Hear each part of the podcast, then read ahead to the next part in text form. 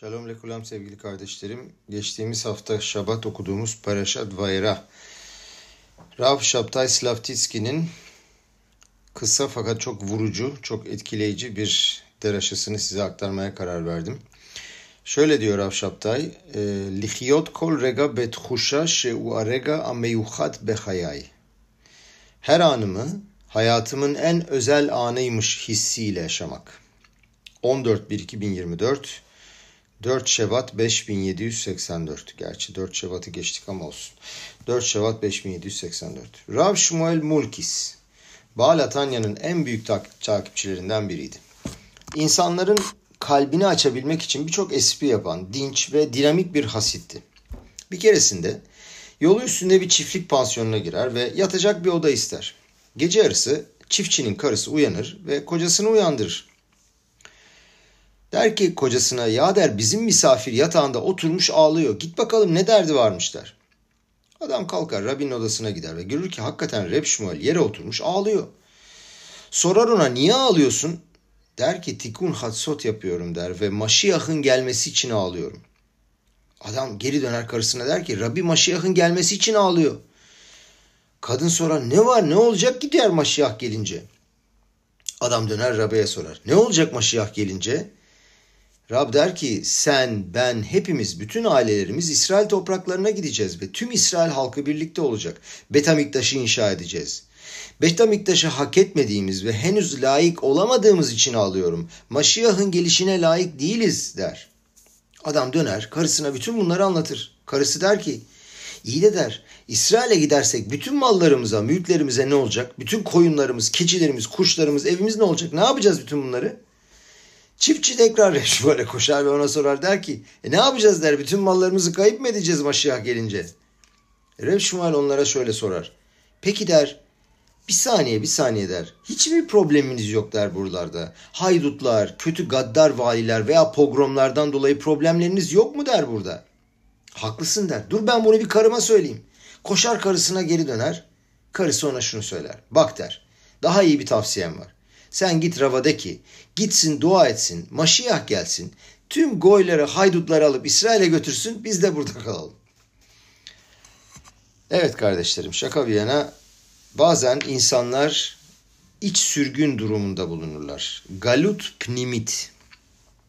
İç sürgün diyorum ama ne kadar açıklayabiliyor bilmiyorum. Anlatacağım. Evet Peraşat Vayra'da Tanrı Moşe Rabenu'ya İsrailoğullarına gidip onlara birçok senedir bekledikleri büyük haberi vermesini isterler. Mısır'dan çıkıyoruz.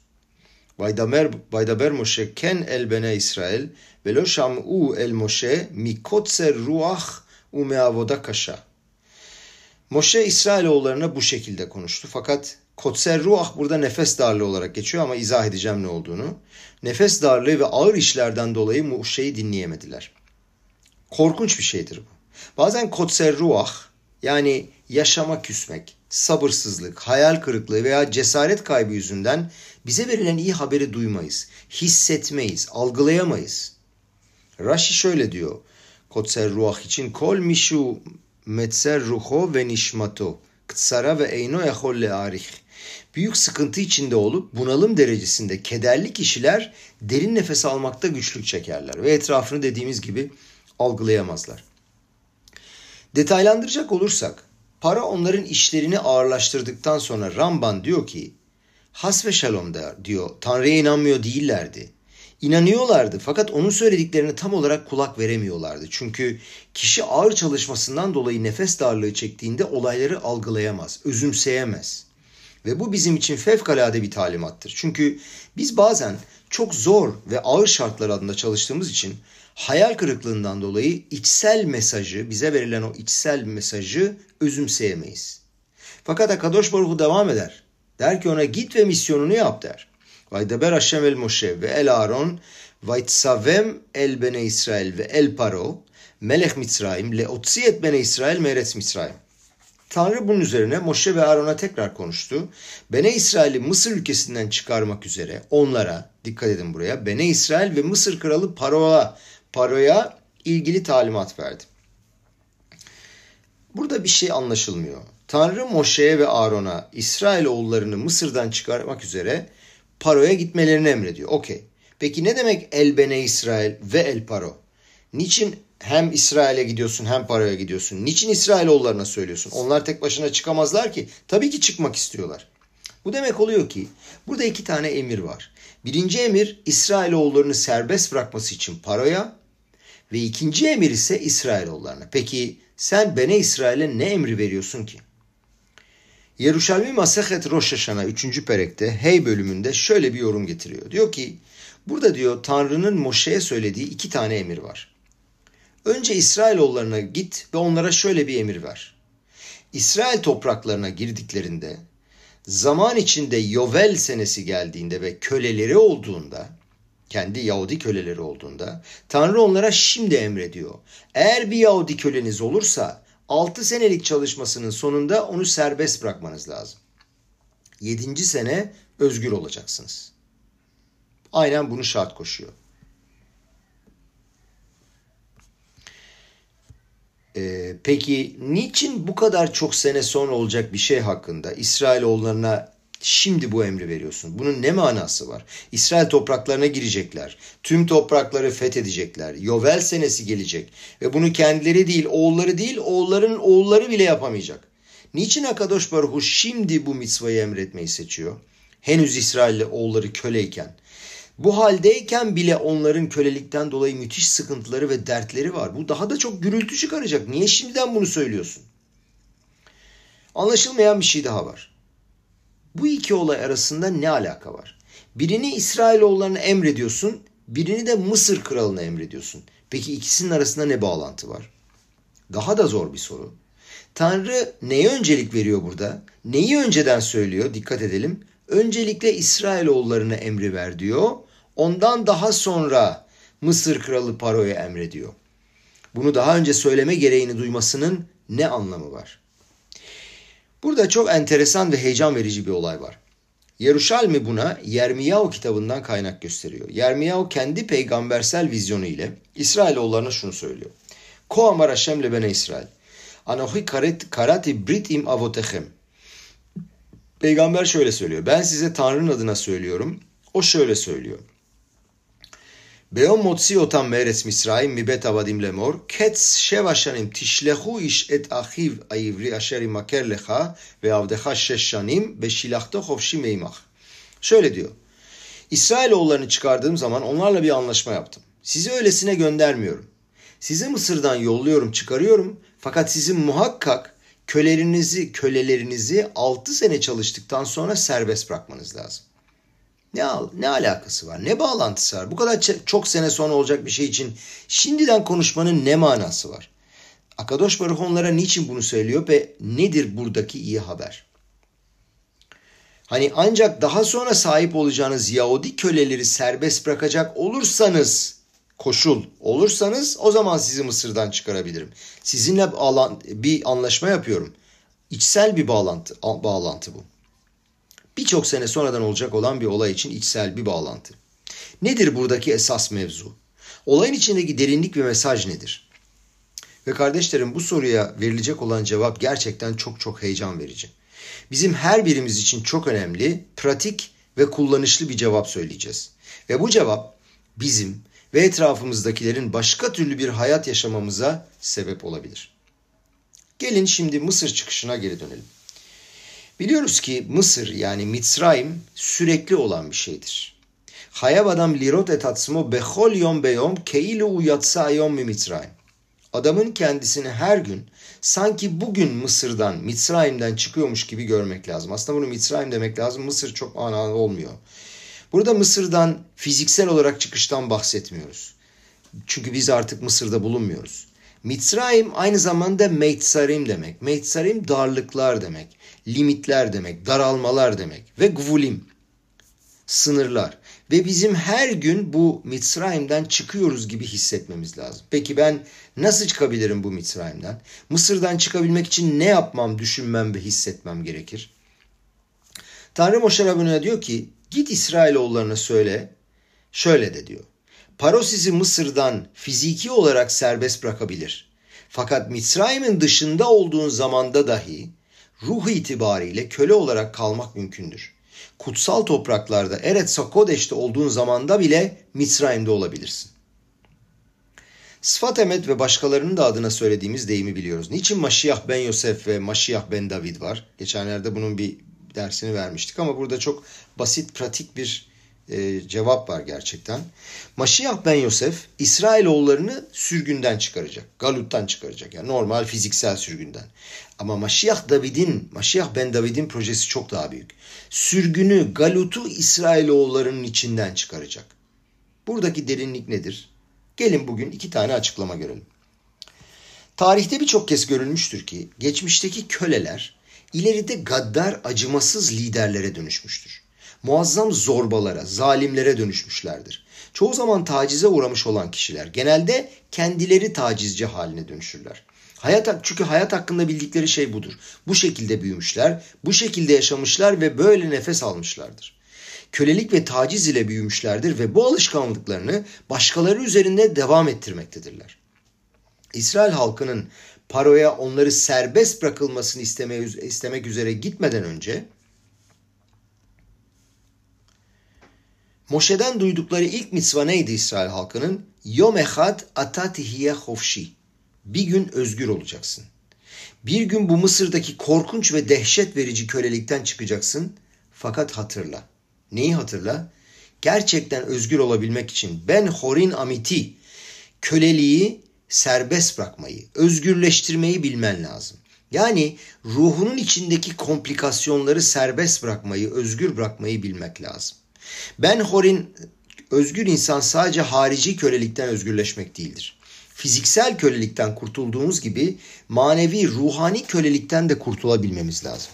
Bütün manevi komplikasyonlardan ve travmalardan özgürleşmek lazım. İçimizde olan nefret, kıskançlık ve ihtiraslar, bu ıstırabını çektiğimiz bütün streslerden kurtulmamız lazım. Ruhumuzdaki içsel köleliği özgürleştirmemiz lazım. Kişi köle olduğunda bu kölelik fiziksel zorluklarla ve çok çalışmakla bitmez. Köleliği sadece bununla sınırlayamazsınız. Kölelik gerçekliği içinde çok çeşitli garip sıkıntılar, ıstıraplar, zor tecrübeler ve manevi komplikasyonlarla doludur. Kölenin içinde onu birçok değişik yöne çeken son derece garip ve çeşitli güçler girer. Ve köle bunun farkında bile değildir. Gün gelip de köle özgür kaldığında diğer insanların pahasına da olsa, bakın diğer insanların pahasına da olsa kendi özgürlüğünü ifade etmeye çalışabilir. Aynı kölenin özellikle iç sıkıntısından ve kendisiyle arasındaki o iç zayıflığına teslim olmasından dolayı diğer insanları ayaklar altına alması ve ezmesi mümkündür. Sanki ben efendiyim, ben patronum diye kendine yalan söylemek için bunu yapar. Dolayısıyla çoğu zaman geçmişlerinde tek başlarına travma ve zor deneyim yaşamış olan insanlarla karşılaşırız ve kendilerini aynı şeyi yaparken bulurlar. Aynı eziyetini çekmiş oldukları şeyleri bu sefer kendilerine en yakın olan insanlara hatta çocuklarına dahi uygularlar. Ve tüm bunları farkında bile olmadıkları şeyler yüzünden yaparlar. Çünkü bu onların bilinç altında, altında kalmıştır. İktidar ve değerli olma hissini elde edebilmek için. O kadar çekmişlerdir ki çünkü şimdi bu iktidar ve değerli olmak için başkalarını bu sefer ezmeye başlarlar. Ve bütün bunları aslında bir türlü kurtulamadıkları, zihinsel acı ve stresle uğraşmaktan kaçmak için yaptıklarının farkında bile değillerdir. Ruhun içindeki o içsel bir duygudan dolayı. Eminim ki beni dinleyenler, bu dersi okuyanlar böyle kişiler tanıyorlardır. Ve kısa bir zaman önce örnek olarak veriyor Rav bana gözlerinde yaşlarla değerli bir Yahudi geldi. Ve şöyle dedi. Rav biliyor musun dedi kendime aynada bakamıyorum. Niçin diye sormuş Rav. Hata yaptım. Ne hatası yaptın? Rav demiş kendi çocuklarımı dövüyorum. Ne diyorsun nasıl olur böyle bir şey? Valla nasıl olduğunu ben de bilmiyorum Rav. Küçükken ben de babamdan dayak yerdim. Bu darbelerin acısını biliyorum. Sadece fiziksel acıyı değil, almış olduğunuz o manevi aşağılama, seni ayaklar altına almış olmalarının verdiği his ve ben çocuklarıma dayak atmayacağıma dair kendime yemin ettim fakat yine geri geliyor. Kardeşlerim bütün bunları yapan insanlar bunu kötü niyetle yapmıyorlar. Başka davranış biçimi bilmedikleri için ve bunun farkında olmadıkları için yapıyorlar. Farkındalık ve anlayış eksikliği var. Bu davranış biçiminin altında bir kontrol ve iktidar gizlenmiyor. Onlar, ondan uzaklaşmak ve kaçmak istedikleri o içlerindeki boşluk, acı ve ıstırap gizleniyor. Fakat bunda başarılı olamıyorlar. Ve bu insanlar etrafındaki insanlara ne kadar çok eziyet ederlerse kendi içlerinde, derinliklerinde aslında daha çok ıstırap çekiyorlar. Köleliğin vermiş olduğu travma başka birçok şeyi de etkileyebilir. Başka insanları anlama kabiliyetini de etkileyebilir. Köleliğin tecrübesi, yaşanmışlığı, insanların birçok kabiliyetlerini, sağlıklı, anlamlı ilişkiler kurmayı onların içinden çekebilir. Kendilerini sağlıklı bir şekilde ifade etmede zorlanabilirler. Bazen insanların arasında daha az eşitlik olduğunu hissedebilirler. Aynı bu kölelik tecrübesi insanların kendi içlerinde kapanmalarına ve bu sefer dışarısı ile bağlantı kuramamalarına sebep olur. Enteresandır, Midraş'ta paronun çok kısa olduğu söylenir. Bir ama boyunda yani yaklaşık 50 santim neredeyse cüce. Ve yazıldığı gibi basit anlamıyla olmadığını söyleyenler var fakat Alşih Hakadoş gibi basitçe evet algılandığı gibidir diyenler de var. Yani adam çok kısa bir adammış. Ve özellikle paronun kısa oluşu onun ruhani olarak da kısa olmasına yani zihinsel aşağılığa sebep olmuştur. Özellikle de kısa olduğu için ona gelen bu aşağılık kompleksi onun bu kadar acımasız ve gaddar bir hükümdar olmasına sebep olmuştur. Belki de bu yüzden kalbi sertleşmiştir.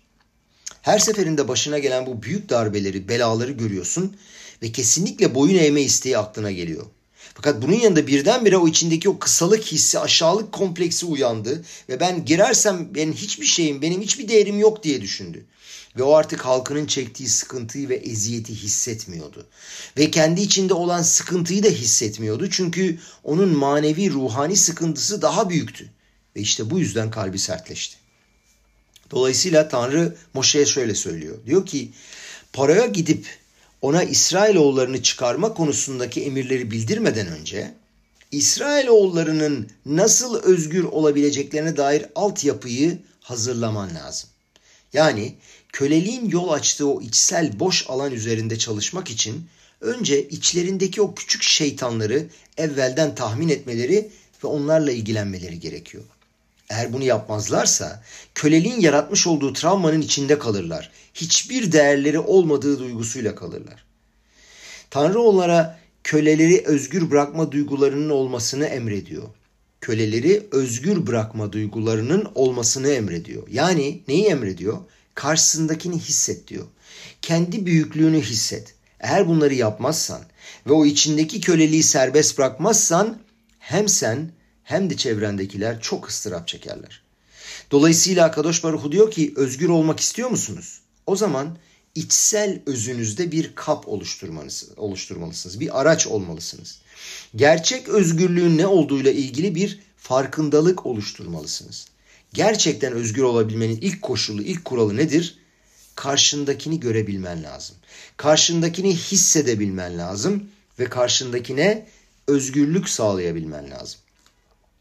Çiftler arasındaki diktatör ve gaddar veliler, gaddar veliler, e, çiftler arasında diktatörler ve gaddar veli, çocuk babası veya annesi özgürlük vermeyi bilmez. Kadın veya erkek olsun o başkaları üstünde üstünlük ve hüküm sağlamaları gerektiğini düşünürler.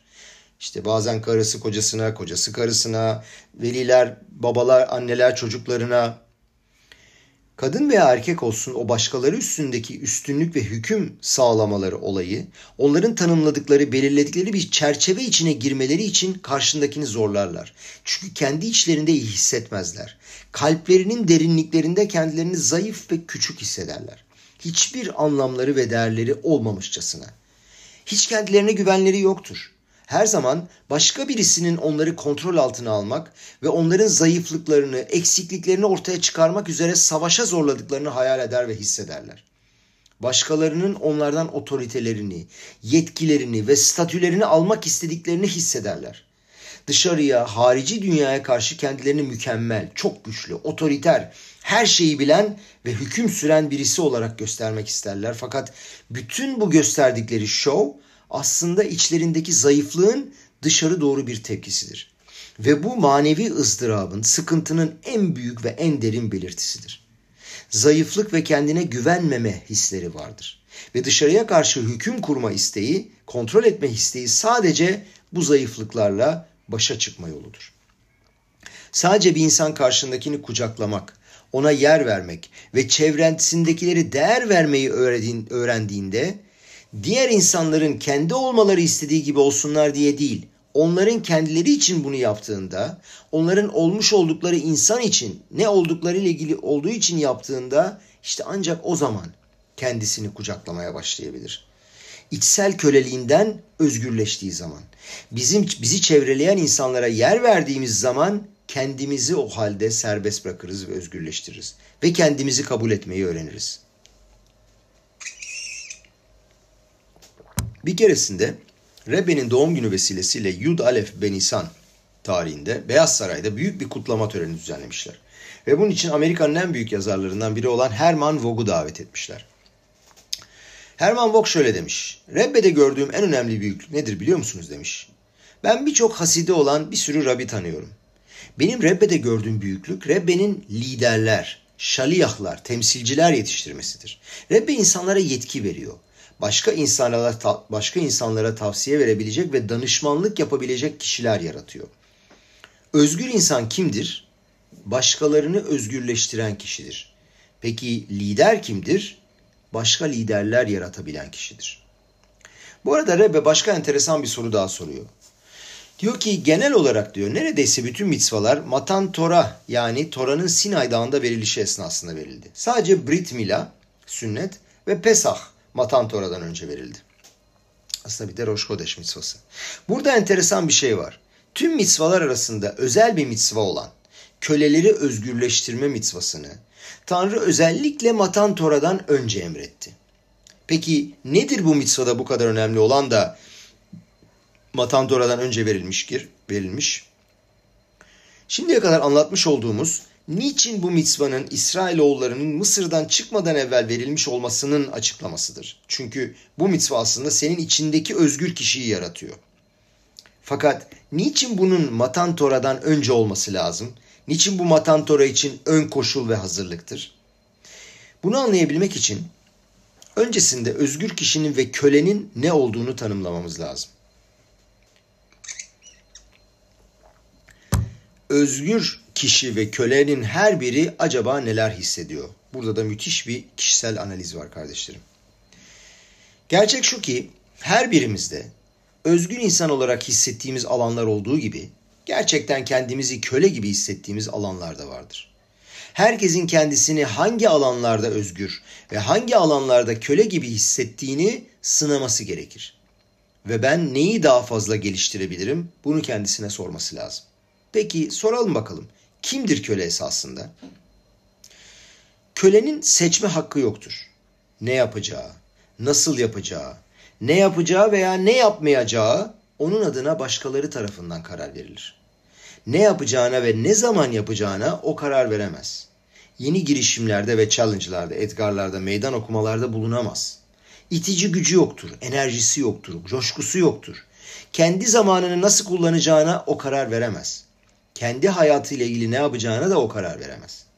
Buna karşılık özgür kişi kendi gerçekliğiyle ilgili, nasıl düşüneceğiyle ilgili, ne yapacağıyla ilgili, içine düştüğü durumla ilgili nasıl hissedeceğine kendisi karar verebilir. Şimdiki durumuyla ilgili ne yapacağına da düşünüp karar verebilir. Halbuki öbür taraftan köle korku içinde yaşar. Ne zaman onu çağıracaklar diye korkar. Biraz sonra veya bir saat sonra ne yapması gerekecek diye korkar. Evin Ezra enteresan bir soru sorar.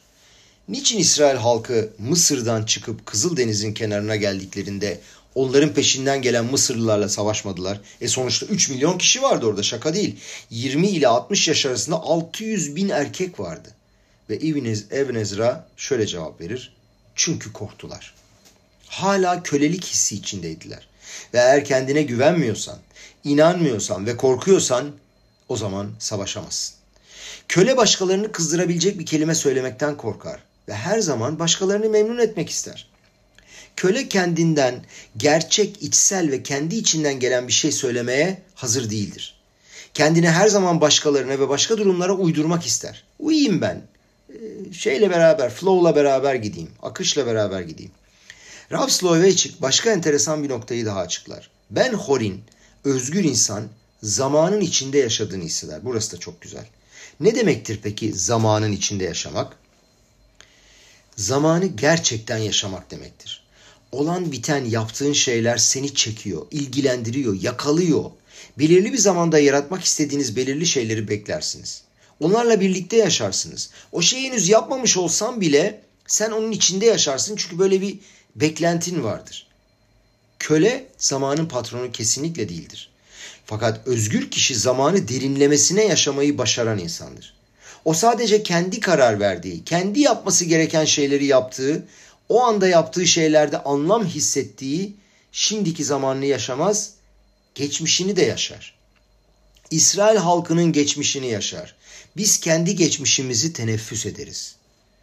Dün olan, geçen sene olan veya birkaç nesil önce olan şeylerin hepsi bizim için çok önemlidir. Özgür olan insanın gerçekliği kendisinde geçmişinden itibaren başlar. Halbuki kölenin geçmişi yoktur. Köle olduğundan itibaren hayatı bitmiştir. Özgür olan ve zamanının deneyimini yaşayan insanın geleceğiyle ilgili de yaşam canlılığı vardır. Düşünün geleceği yaşar, geleceğiyle ilgili programları vardır. Ev kurmak, işte şası bitirmek, aile kurmak, insanlara yardım etmek, ne yapacağıyla ilgili çok birçok planı ve programı vardır. Şimdiki zamanın her anında geleceğini de yaşar. Halbuki ve özgür insan zamanın geçmesini hiçbir şekilde istemez. Zamanın daha yavaş geçmesini ister. Hareketlerini, adımlarını yavaşlamak ister çünkü zaman onun için bir hazinedir. Zamanın bizden kaçmasını istemeyiz. Zamanın bir değeri vardır. Köle ise zamanın artık bitmesini ister. Her geçen güne işaret atar, vi atar. Bir gün daha geçti, bir gün daha geçti ve özgürlüğe bir gün daha yaklaştım. Sadece zaman için değil, her yaptığı iş için aynı şekilde hisseder ve çek işareti yapar. Bu zamanı elindeki işi yapabilmek için ihtiyacı vardır. Dolayısıyla zaman onun için hazine değil lanettir. Günün artık bitmesini bekler. Aklıma hep bunalımda olan insanlar geliyor. Eğer bir şeyin bitmesini bekliyorsan o bir daha olmayacaktır. Çünkü sen o zamanı yaşamıyorsun. Halbuki bize verilen en büyük hediye zamandır. Amerika'da bir deyim vardır bilirsiniz time is money diye. Zaman paradır. Ama Rebbe şöyle diyor. Zaman hayattır. Zaman biriktiremeyeceğin tek şeydir. Üzerinde hükmedemeyeceğin, kontrol edemeyeceğin tek şey zamandır. Ve zaman yürür gider. Eğer biz zamanın durmasını istemiyorsak, zamanın daha hızlı koşmasını istiyorsak, olayların daha hızlı olmasını istiyorsak bu demektir ki seni kontrol eden, sana hükmeden bir şey vardır. Sen kendini köle olarak hissediyorsun. Köle geleceğinin sorumluluğunu hissetmez. Gelecekte ne olacağı ile ilgili, neyin gerçekleşeceği ile ilgili bir sorumluluk hissi, hissi yoktur. O sadece ve sadece efendisinin isteğine göre yaşar. Sabah bazen kalktıklarında ne yapacakları ile ilgili bir listeleri olan insanlar vardır. To do list bilirsiniz. Sinagoga gidecek, çocukları okula götürecek, karısının vermiş olduğu alışveriş listesini süpermarketten alacak, çocukları okuldan alıp eve getirecek. Bazen çocuğunun doğum günü için ona hediye alması lazım ve her yaptığı şey için listeye bir işaret koyar. Aslında bunun büyük bir değeri vardır. Çünkü adam düzenli bir adam. Olayların sorumluluğunu alır ve hiçbir şey ihmal etmez. Fakat herhangi bir yerde eğer bunları üzerinde bir yük var diye yapıyorsan, mecbur olduğun için yapıyorsan, çünkü çevren seni buna zorluyorsa, okey bunu yapman çok iyi bir şey. Fakat olayları başka bir canlılıkla, başka bir içsel duyguyla bu olayın sonrasında olmak istediğini hissederek yaptığını düşünürsen o zaman hayatı yaşamıyorsun ki. Bazen iki insanın birbirine hatır sorduğunu duyuyorum diyor Rav. Nasılsın diyorlar. Diyor ki anik var ahareyat fila. Ben artık duanın sonrasındayım. Hani üzerindeki yükten kurtuldu, görevini tamamladı, bitse de gitsek modunda. İnsanlar vardır her zaman duanın sonrasında olmak isterler. O yapmak zorunda olduğu şeyin arkasında olmak isterler. Sonrasında olmak isterler. Okey çok iyi bir şey bu. Çünkü duayı ciddiye alıyorsun. Bunu yapman gerektiğini biliyorsun. Bu şekilde alıyorsun olayını. Yaptım bitti. Bitireyim. He, hemen. Ama sen bunun daha fazlasını yapabilirsin. Yaptığın şey çok iyi ama affedersiniz. Daha fazlasını yapmayı arzu et. Daha fazlasını hedefle. Canlılıkla dua etmek. Tanrı ile birlikte olmanın deneyimiyle dua et. Ribbono Şölelam sen onunla konuşuyorsun. O seni işitiyor. Gerçekten geçen gün e, Hollanda'daki Rav Cuma akşamı deraşasında şöyle bir şey söyledi. Dedi ki e, maalesef şu anda 136 tane e, rehinemiz var. E, Gazze'de, Azza'da, Yimah Şemam onların arasında ve dedi ki onların çıkıp nasıl çıkacağını düşünmek bile mümkün değil geliyor ve korkunç bir zor geliyor.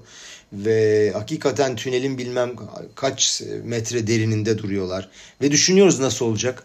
Ama diyoruz ki diyor Akadosh Baruku akol yahol her şeyi yapabilir. Her an yapabilir. Onun için dua edelim diyor. Dua edelim ve gökleri yırtalım diyor. Çünkü bilmiyorum diyor nasıl olacağını fakat her an olabilir.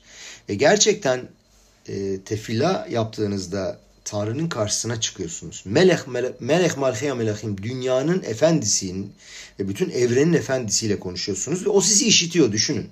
Müthiş bir şey bu. Yani hem insan bir huşu içinde, saygı içinde, korku içinde duruyor. Hem de diyor ki göklerde bir babamız var. Bizi dinliyor, bizi işitiyor ve biz onunla günde üç tane randevu yapıyoruz. Bu ne kadar değerli bir şey. Diyor ki Rav öyle insanlar tanıyorum ki oturup saatler boyunca dua ederler. Tefilenin ortasında şarkı söylüyorlar, dans ediyorlar, ağlıyorlar. Gerçek dua gerçekten bu. O yüzden Akadosh Baruch İsrail halkına Mısır'dan çıkıştan evvel şöyle söylüyor. Sizin köleleri serbest bırakma misvasını kabul etmeniz lazım. Ne demek köleleri serbest bırakmak? Özgürleştirmek. Libne İsrail avadim ve lo avadim le avadim. İsrailoğulları bana köledir. Başka kölelere köle değildir. Her Yahudi kendisini kölelik hissinden özgürleştirmesi gerekir. Neden kölelik? Sadece efendiye kölelikten bahsetmiyoruz. Maddiyata, dünyadaki bir sürü şeye, maddi arzulara, ihtiraslara, materyalizme. En leha ben horin ela mişe osek betora. Tora ile ilgilenen kişi haricinde özgür insan neredeyse yoktur kardeşlerim. Çok derin bir laf bu. Bununla konuşmaya kalkarsa çok uzun sürer ama anladınız siz ne demek istediğimi. Tanrı der ki efendisinin emri altında çalışmaya devam etmek isteyen bir köle, kölenin kulağının memesini delerler. Niçin gerçekten çalışmaya devam etmek istiyor? Çok basit. Birçok insan köleliğin sanki böyle stres ve zor şartlar altında çalışmak ve dayak yemek olduğunu düşünür. Kesinlikle böyle değildir. Bizde Yahudilerde kölelik lükstür.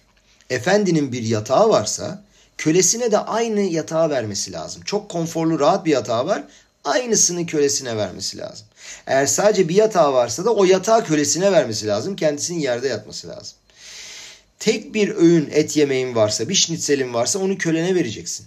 Kölesi gibi olmak zorundadır. Eğer bu imkanın yoksa o zaman ona vereceksin.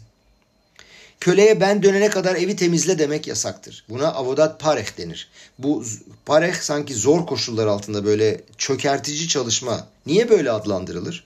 Çünkü zamanı yok. O her zaman stres altında. Acaba efendi gelecek mi? Gelmeyecek mi? Ne zaman gelecek? O zamana kadar işi bitirmem lazım. Yok böyle bir şey. Yapamazsın. Ona belirli bir zaman vermen lazım. Ona alışkın olduğu bir iş vermen lazım. Kölenden sana şabat için hala pişirmesini isteyebilirsin. Şabat için bana hala pişir diyebilirsin. Fakat ona ben sana ekmek pişirmeyi öğreteceğim ve sonra beraber bir fırın açacağız. Bunu diyemezsin. Ben sana tıraş etmeyi öğreteceğim ve bir berber dükkanı açacağız demek bunu da yasaktır. Evet bir işçiye bunu söyleyebilirsin maaş verdiğin bir işçiye. Fakat diyor ki köle işçiden daha yüksek bir seviyede. Onu küçük düşüremezsin. Onu aşağılayamazsın. Eğer düne kadar yapmamış olduğu bir iş ise, eğer o ana kadar fırıncı değilse veya berber değilse ona bu işi yaptıramazsın. Hal böyle olunca kölenin 6 sene sonra e ben efendimin emri altında çalışmaya devam etmek istiyorum demesi gayet güzel anlaşılıyor. Ve kulağa deliniyor. Niçin? Onlar benim kölemdir, kölelere köle değildir sözlerini duyan bir kişi olduğu için kulağa deliniyor. Peki burada problem ne? Problem şu. Akadosh Baruhu göklerdeki babamız senin kendi kişiliğin olmasını istiyor. Zamanını kontrol etmeni istiyor. Kendi eylemlerini kontrol etmeni istiyor. Senin bu dünyadaki fevkalade misyonunu hissetmeni istiyor. Sen sadece efendinin yaptığı veya istediği şeyleri yapmıyorsun.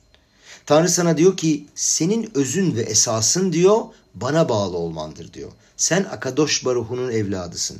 Helek eloka mimal mamash. Sen gerçekten onun suretinde yaratılmış çok değerli bir varlıksın. Tanrı sana diyor ki sen köle olmak istediğin zamanda dahi diyor bu iyi bir şey değildir. Her zaman bundan çok daha fazlası olduğunu hatırlamak zorundasın. Sen sonsuz olan Tanrı'ya bağlı özgür bir insansın. Ve Akadosh Baruhu hepimize bir an evvel tam kurtuluşu nasip etsin ve gerçekten özgürlüğü sevinç ve iyi kalbimizle hissedebilelim. Amen ve hen